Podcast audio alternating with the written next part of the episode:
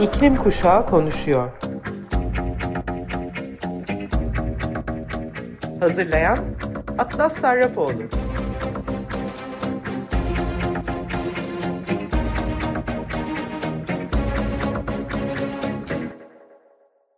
Merhaba sevgili İklim Kuşağı konuşuyor dinleyicileri.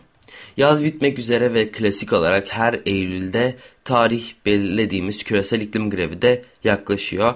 En çok etkilenen insan ve bölgeler olarak andığımız ve kısaca MAPA dediğimiz insan ve bölgeleri öne çıkarmaya çalıştığım iklim aktivistleri sohbetlerimde bugün Nepal'den Şıra'ya konuğum. Şiraya ile kısa bir süre önce ortaklaşa çalıştığımız bir grupta tanışmıştık. Shreya Casey 24 yaşında Solukumbu Nepal'de yaşayan bir iklim aktivisti. Asya'nın su kulesi ve 3. kutup denilen Himalaya dağlarının eteklerinde geçmiş bir hayatı var. Patlayan buzul göllerinin patlayarak taşmasıyla oluşan seller hayatları tehdit ederken kuraklık, zamansız yağışlar, yeni hastalıklar ve istilacı türlerin büyümesi nedeniyle tarımsal üretim hızla tükenirken geçim kaynakları için doğaya bağımlılıkları Nepal halkını çok savunmasız kılıyor. Shreya Kisi genç bir iklim aktivisti olarak farkındalığı yaymak, iddialı politikaları savunmak ve iklim için harekete geçmek için elinden geleni yapıyor. Şimdi onunla yaptığım röportajı sizlere okuyacağım. Nasıl iklim aktivisti oldun? Hikayeni kısaca anlatır mısın? 5 yıl önce iklim krizinden ve onun tehlikeli çevresel etkilerinden habersizdim. Ta iklim krizinin korkunç etkilerini çevre bilimi dersinin birinci gününde öğrene, öğrenene kadar. Okulumdan küresel ısınma ve asit yağmuru hakkında bir şeyler okumuştum ama aciliyetini bilmiyordum. Yaşadığım yer Solukumbu, aynı zamanda dünyanın en yüksek dağına da ev sahipliği yapan Himalayaların kucağında yer alıyor. Kar seviyesindeki büyük değişiklikleri ve aşırı sel ve toprak kaymalarının meydana geldiğini gözlemlemiştim. Düşen tarımsal üretimin insanları nasıl göç etmeye ve yoksulluğa ittiğini de görmeye başlamıştım. Zaten artık iklim krizinden nasıl etkilendiğimizi hissettiğimde ancak ilk etapta sorunu bilmediğim için çok korktum. Yavaş yavaş ve kademeli olarak ne kadar zengin ve ayrıcalıklı olursak olalım hepimiz iklim krizinden etkileneceğiz ve daha fazla acı çekmeye devam edeceğiz sonucuna vardım. Yani sadece iklim değişikliğinin kurbanı olmaktan ziyade ben bu küresel acil durumu ele almak için elimden gelen her şeyi yapmaya karar verdim ve zeminden çalışmaya başladım. Nepal'in iklim değişikliğine özellikle de Himalaya dağlarının çok savunmasız olduğunu biliyoruz. Lütfen bize ülkenin iklim değişikliğinden nasıl etkilendiğini ve hükümetin bu sorunlarla nasıl başa çıktığını anlatır mısın? Nepalliler doğayla iç içe yaşıyor. Başlıca ekonomik kaynaklarımız turizm, tarım ve hidroelektriktir. Ve bunların hepsi doğrudan doğal kaynaklarımızla bağlantılıdır. Bunun yanı sıra zengin biyoçeşitlilik ve iklim çeşitliliğinin çoğunun bulunabileceği tepelerden dağlık alanlara kadar uzanan zorlu bir coğrafyaya sahibiz. En az gelişmiş ülkelerden biri olduğumuz için hem finansal hem de teknik kapasite anlamında adaptasyon potansiyelimiz çok az. Tüm bu faktörler bir araya geldiğinde bizi iklim değişikliğinin etkilerine karşı son derece savunmasız hale getiriyor. Küresel olarak Nepal iklim değişikliği açısından en savunmasız dördüncü ülke konumunda bulunuyor. Himalayaların ortalamanın üzerinde ısınma hızı ve kar örtüsünün azalmasıyla buzul göllerinin sayısı önemli ölçüde arttı. Uluslararası Entegre Dağ Gelişim Merkezi tarafından hazırlanan bir rapor sıcaklık artışını 1,5 derece ile sınırlasak bile Himalaya buzullarının üçte birinin eriyeceğini söylüyor.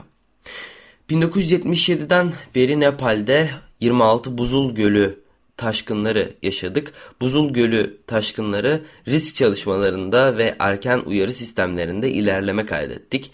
Yine de bu tür sellerin ne zaman vuracağını ve büyüklüklerini tahmin etmek hala pek mümkün değil. Buzul Gölü taşkınları aşağı havza topluluklarında yaşayan bizler için kalıcı bir tehdit olmaya devam ediyor. Tüm köyleri bir anda yok edebilir, canlara, mallara ve altyapıya zarar verebilir. İnsanlar ömürleri boyunca yaptıkları işi bir saniyede kaybedebilirler. Aynı zamanda hayallerini ve umutlarını da yıkar. Bu nedenle Nepal hükümeti değişen iklim etkileriyle mücadele etmek için çeşitli girişimlerde bulunmuştur. İklim ve çevre ile ilgili tüm yasalar için bir şemsiye politika görev gören ve iklim değişikliği etkileri riskini azaltarak dirençli bir Nepal geliştirmeyi amaçlayan 2019 yılında benimsenen ulusal iklim değişikliği politikasına sahibiz. Bunun yanı sıra e, enerjiden suya, turizme kadar her alanda kırılganlık değerlendirmeleri yaptık temelde ulusal katkı beyanı kapsamında olan Ulusal Uyum Planı ve ikinci eylem planını Birleşmiş Milletler İklim Değişikliği Çerçeve Sözleşmesi birimlerine sunduk. Nepal 2045 yılına kadar net sıfıra ulaşacağını ve 2045'ten sonra karbon negatif bir ülke olacağını ve 2030 yılına kadar orman örtüsünü %45'e arttıracağını duyurdu.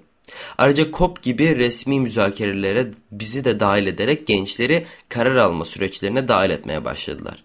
Çabalarımızı küresel mercekten görürsek göz ardı edilebilir emisyonlara rağmen bu krizle başa çıkmak için elimizden gelenin en iyisini yapıyoruz.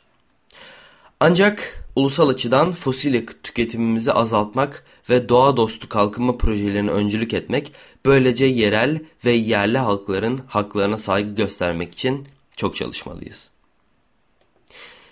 Nepal'de gençlerin iklim hareketi ve eylemlerine katılımı nedir?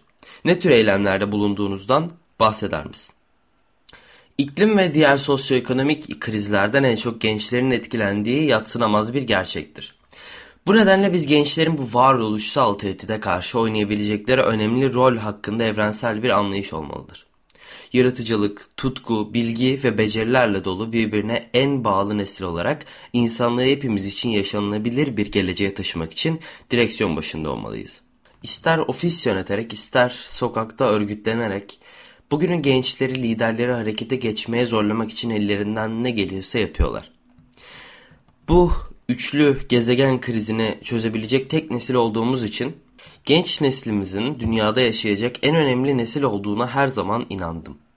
İklim değişikliği ülkelerin sınırları ile ilgili kısıtlama kalmadığından eylemlerimizi yerel düzeyden uluslararası platformlara bağlamamız gerektiğini anladım. Çevre bilimi öğrencisiyim ve iki yıl boyunca yerel bir okulda bilim ve çevre dersi verdim. Burada bir yeşil kulüp kurdum ve öğrencileri ve öğretmenleri farklı çevre buluşmaları ve kampanyalarına dahil ettim. 17 bölgesel bölümüyle çalışan ve doğrudan Nepal genelinde 600'den fazla genci e, iklim eylemine dahil eden gençlerin önderlik ettiği ve tamamen gönüllülerin katıldığı ülkenin en büyük platformu Nepal iklim Eylemi için Gençlik NYCA ile çalışıyorum. Gençleri kendi seviyelerinde harekete geçmeleri için güçlendiriyor ve eğitiyoruz.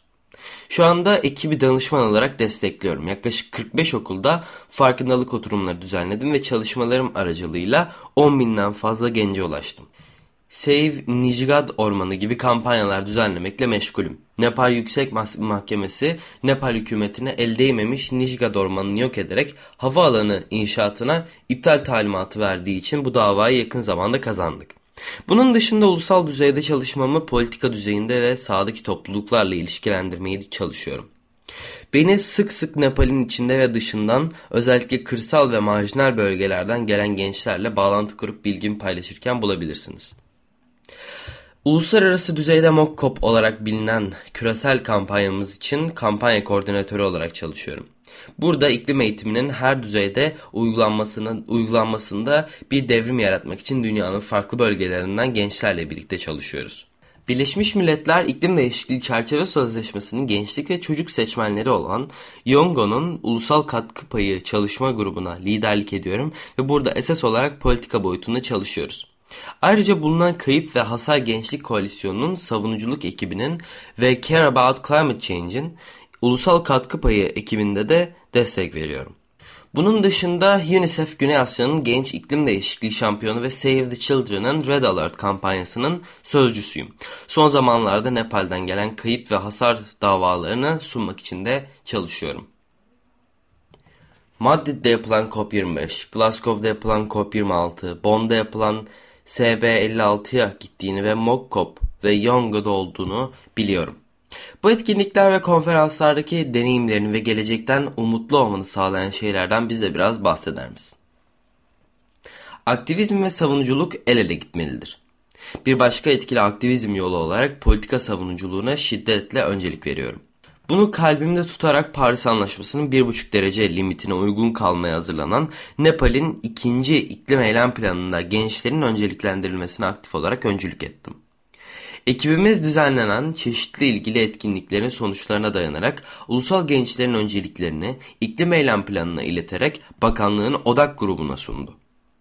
Bu yanıt için Nepal şimdi gençlerin anlamlı katılımına öncelik veren ve e, bizi karar alma alanına dahil etmeyi taahhüt eden ikinci ulusal katkı payına sahip. Ulusal katkı payının bu taahhüdü üzerine adım atarak Nepal'in resmi gençlik delegasyonu olarak COP26 ve SB56'ya katılabildim. Nepal'den gelen bu küresel kuzey konferansına katılma fırsatı benim için büyük bir ayrıcalık. Birkaç ayımıza yatırım yaparak farklı ağlardan fon temin edebilsek bile vize kısıtlamaları katılımımızı engelliyor. Temel müzakere toplantılarını gözlemledikten sonra onlarca yıllık e, yalana rağmen dünya liderlerinin hala her zamanki gibi işlerine devam etmek için uğraştıklarını fark ettim ki bu bugün yapmaya gücümüzün yetmediği bir şey. Bu büyük elit konferansta 2050 yılına kadar net sıfır hakkında büyük tartışmalar var. Bu da krizle karşı karşıya olan toplulukların yaşamlarının ve geçim kaynaklarının zaten perişan olduğunu kabul etmediklerini açıkça gösteriyor. Böyle bir müzakerenin sonuçları bizim gibi fakir ülkeler için iklim krizinin 1,5 derecede başlamadığını anlatmakta başarısız oluyor. 1,2 küresel ortalamalarda hali hazırda zaten kötü. Bu yakın gelecekte beklediğimiz bir şey değil. Biz şimdi bunun sonuçlarından acı çekiyoruz. Ve bunun yansımaları önümüzdeki günlerde daha da şiddetli hale gelecek. En yüksek emisyonlu ülkelerin daha cesur adımlar atma ve savunmasız ülkelere daha fazla destek sağlama sorumluluğunu inkar ettiği için maalesef hiçbir yere gidemiyoruz. COP25, COP26, SV56'ya katılımımla gerçek değişimin bu özel konferanslardan değil, topluluk düzeyinde harekete geçen insanlardan geleceği sonucuna vardım. Dünya liderlerine hitap edecek bir mikrofonun olsaydı onlara iklim krizi hakkında ne söylerdin? Gözlerimiz üzerinizde. Her eyleminiz bizim için milyonlarca insan için fark yaratıyor. Olumlu bir etki yaratmaya ve bundan en kötü sonuçları çıkarmaya karar verme seçimi şimdi size ait. Kimin tarihin doğru tarafında olduğunu unutmayacağız. Gücünüzü kullanırken ve hepimiz adına kararlar alırken bunu unutmayın. İklim adaleti senin için ne ifade ediyor? İklim adaleti terimi benim için güzel bir umut ve bu söz ağzımdan her çıktığında iklim değişikliğinin sert etkileriyle mücadelede en ön safhalarda yer alan tüm insanları her gün hatırlıyorum. Bu bir bakıma bunu neden yaptığımı tekrar tekrar hatırlatmama yardımcı oluyor. İklim alanında yaptığım şeyi yapmaya devam etmem bana cesaret veriyor. İklim adaleti benim için basit. Tüm canlıların adil ve yaşanılabilir bir çevrede yaşama hakları var. İklim değişikliği nesiller arası ve iklim ve insan hakları sorunu olarak kabul edilmelidir. İklim adaletini sağlamak için iklim krizi acil eylemlerle ve sistemin şu anki işleyişinde benzeri görülmemiş bir dönüşümle ele alınmalıdır. İklim kriziyle ilgili gelecek algın nedir? 2030'da kendine nasıl hayal ediyorsun? Bilim insanları herkes için yaşanılabilir bir gezegen sağlamak istiyorsak bu yüzyılın sonuna kadar sıcaklık artışını 1,5 derece ile sınırlamamız gerektiği konusunda hemfikir.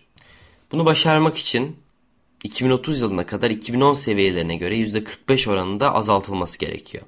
İstatistikler bu hedefe ulaşmak için hiçbir yerde olmadığımızı gösteriyor. Bu yüzden 2030 geleceğini düşündüğümde açıkçası çok korkuyorum. Ancak çok sayıda insanın bu sorun hakkında eğitim almasıyla hükümetin çok geç olmadan ortak adımlar atmaya başlayacağını umuyorum. 2030'da mevcut boşluklardan kurtulmak ve sahadaki insanlarla derinden de, e, bağlantı kurmak için karar vericilerle birlikte çalışacağım. Şiraya'nın bahsettikleri ve 23 Eylül'de gerçekleştireceğimiz küresel iklim grevinin ana konusu olan kayıp ve hasarlar üzerine biraz da konuşmak istiyorum. IIED İklim Değişikliği Araştırma Grubu'ndan Anna Carty'nin yazdıklarından yola çıkarak çalışmalarından yararlanarak e, toparlamaya çalıştım aslında biraz konuyu. E, kayıp ve hasar güç ve politika ile ilgilidir. kendi kabuklarımızdan sıyrılıp kayıp ve hasara karşı kırılga, kırılganlık yaratan tarihi, siyasi ve güç dinamiklerini anlamanın önemini tartışmalıyız diye düşünüyorum.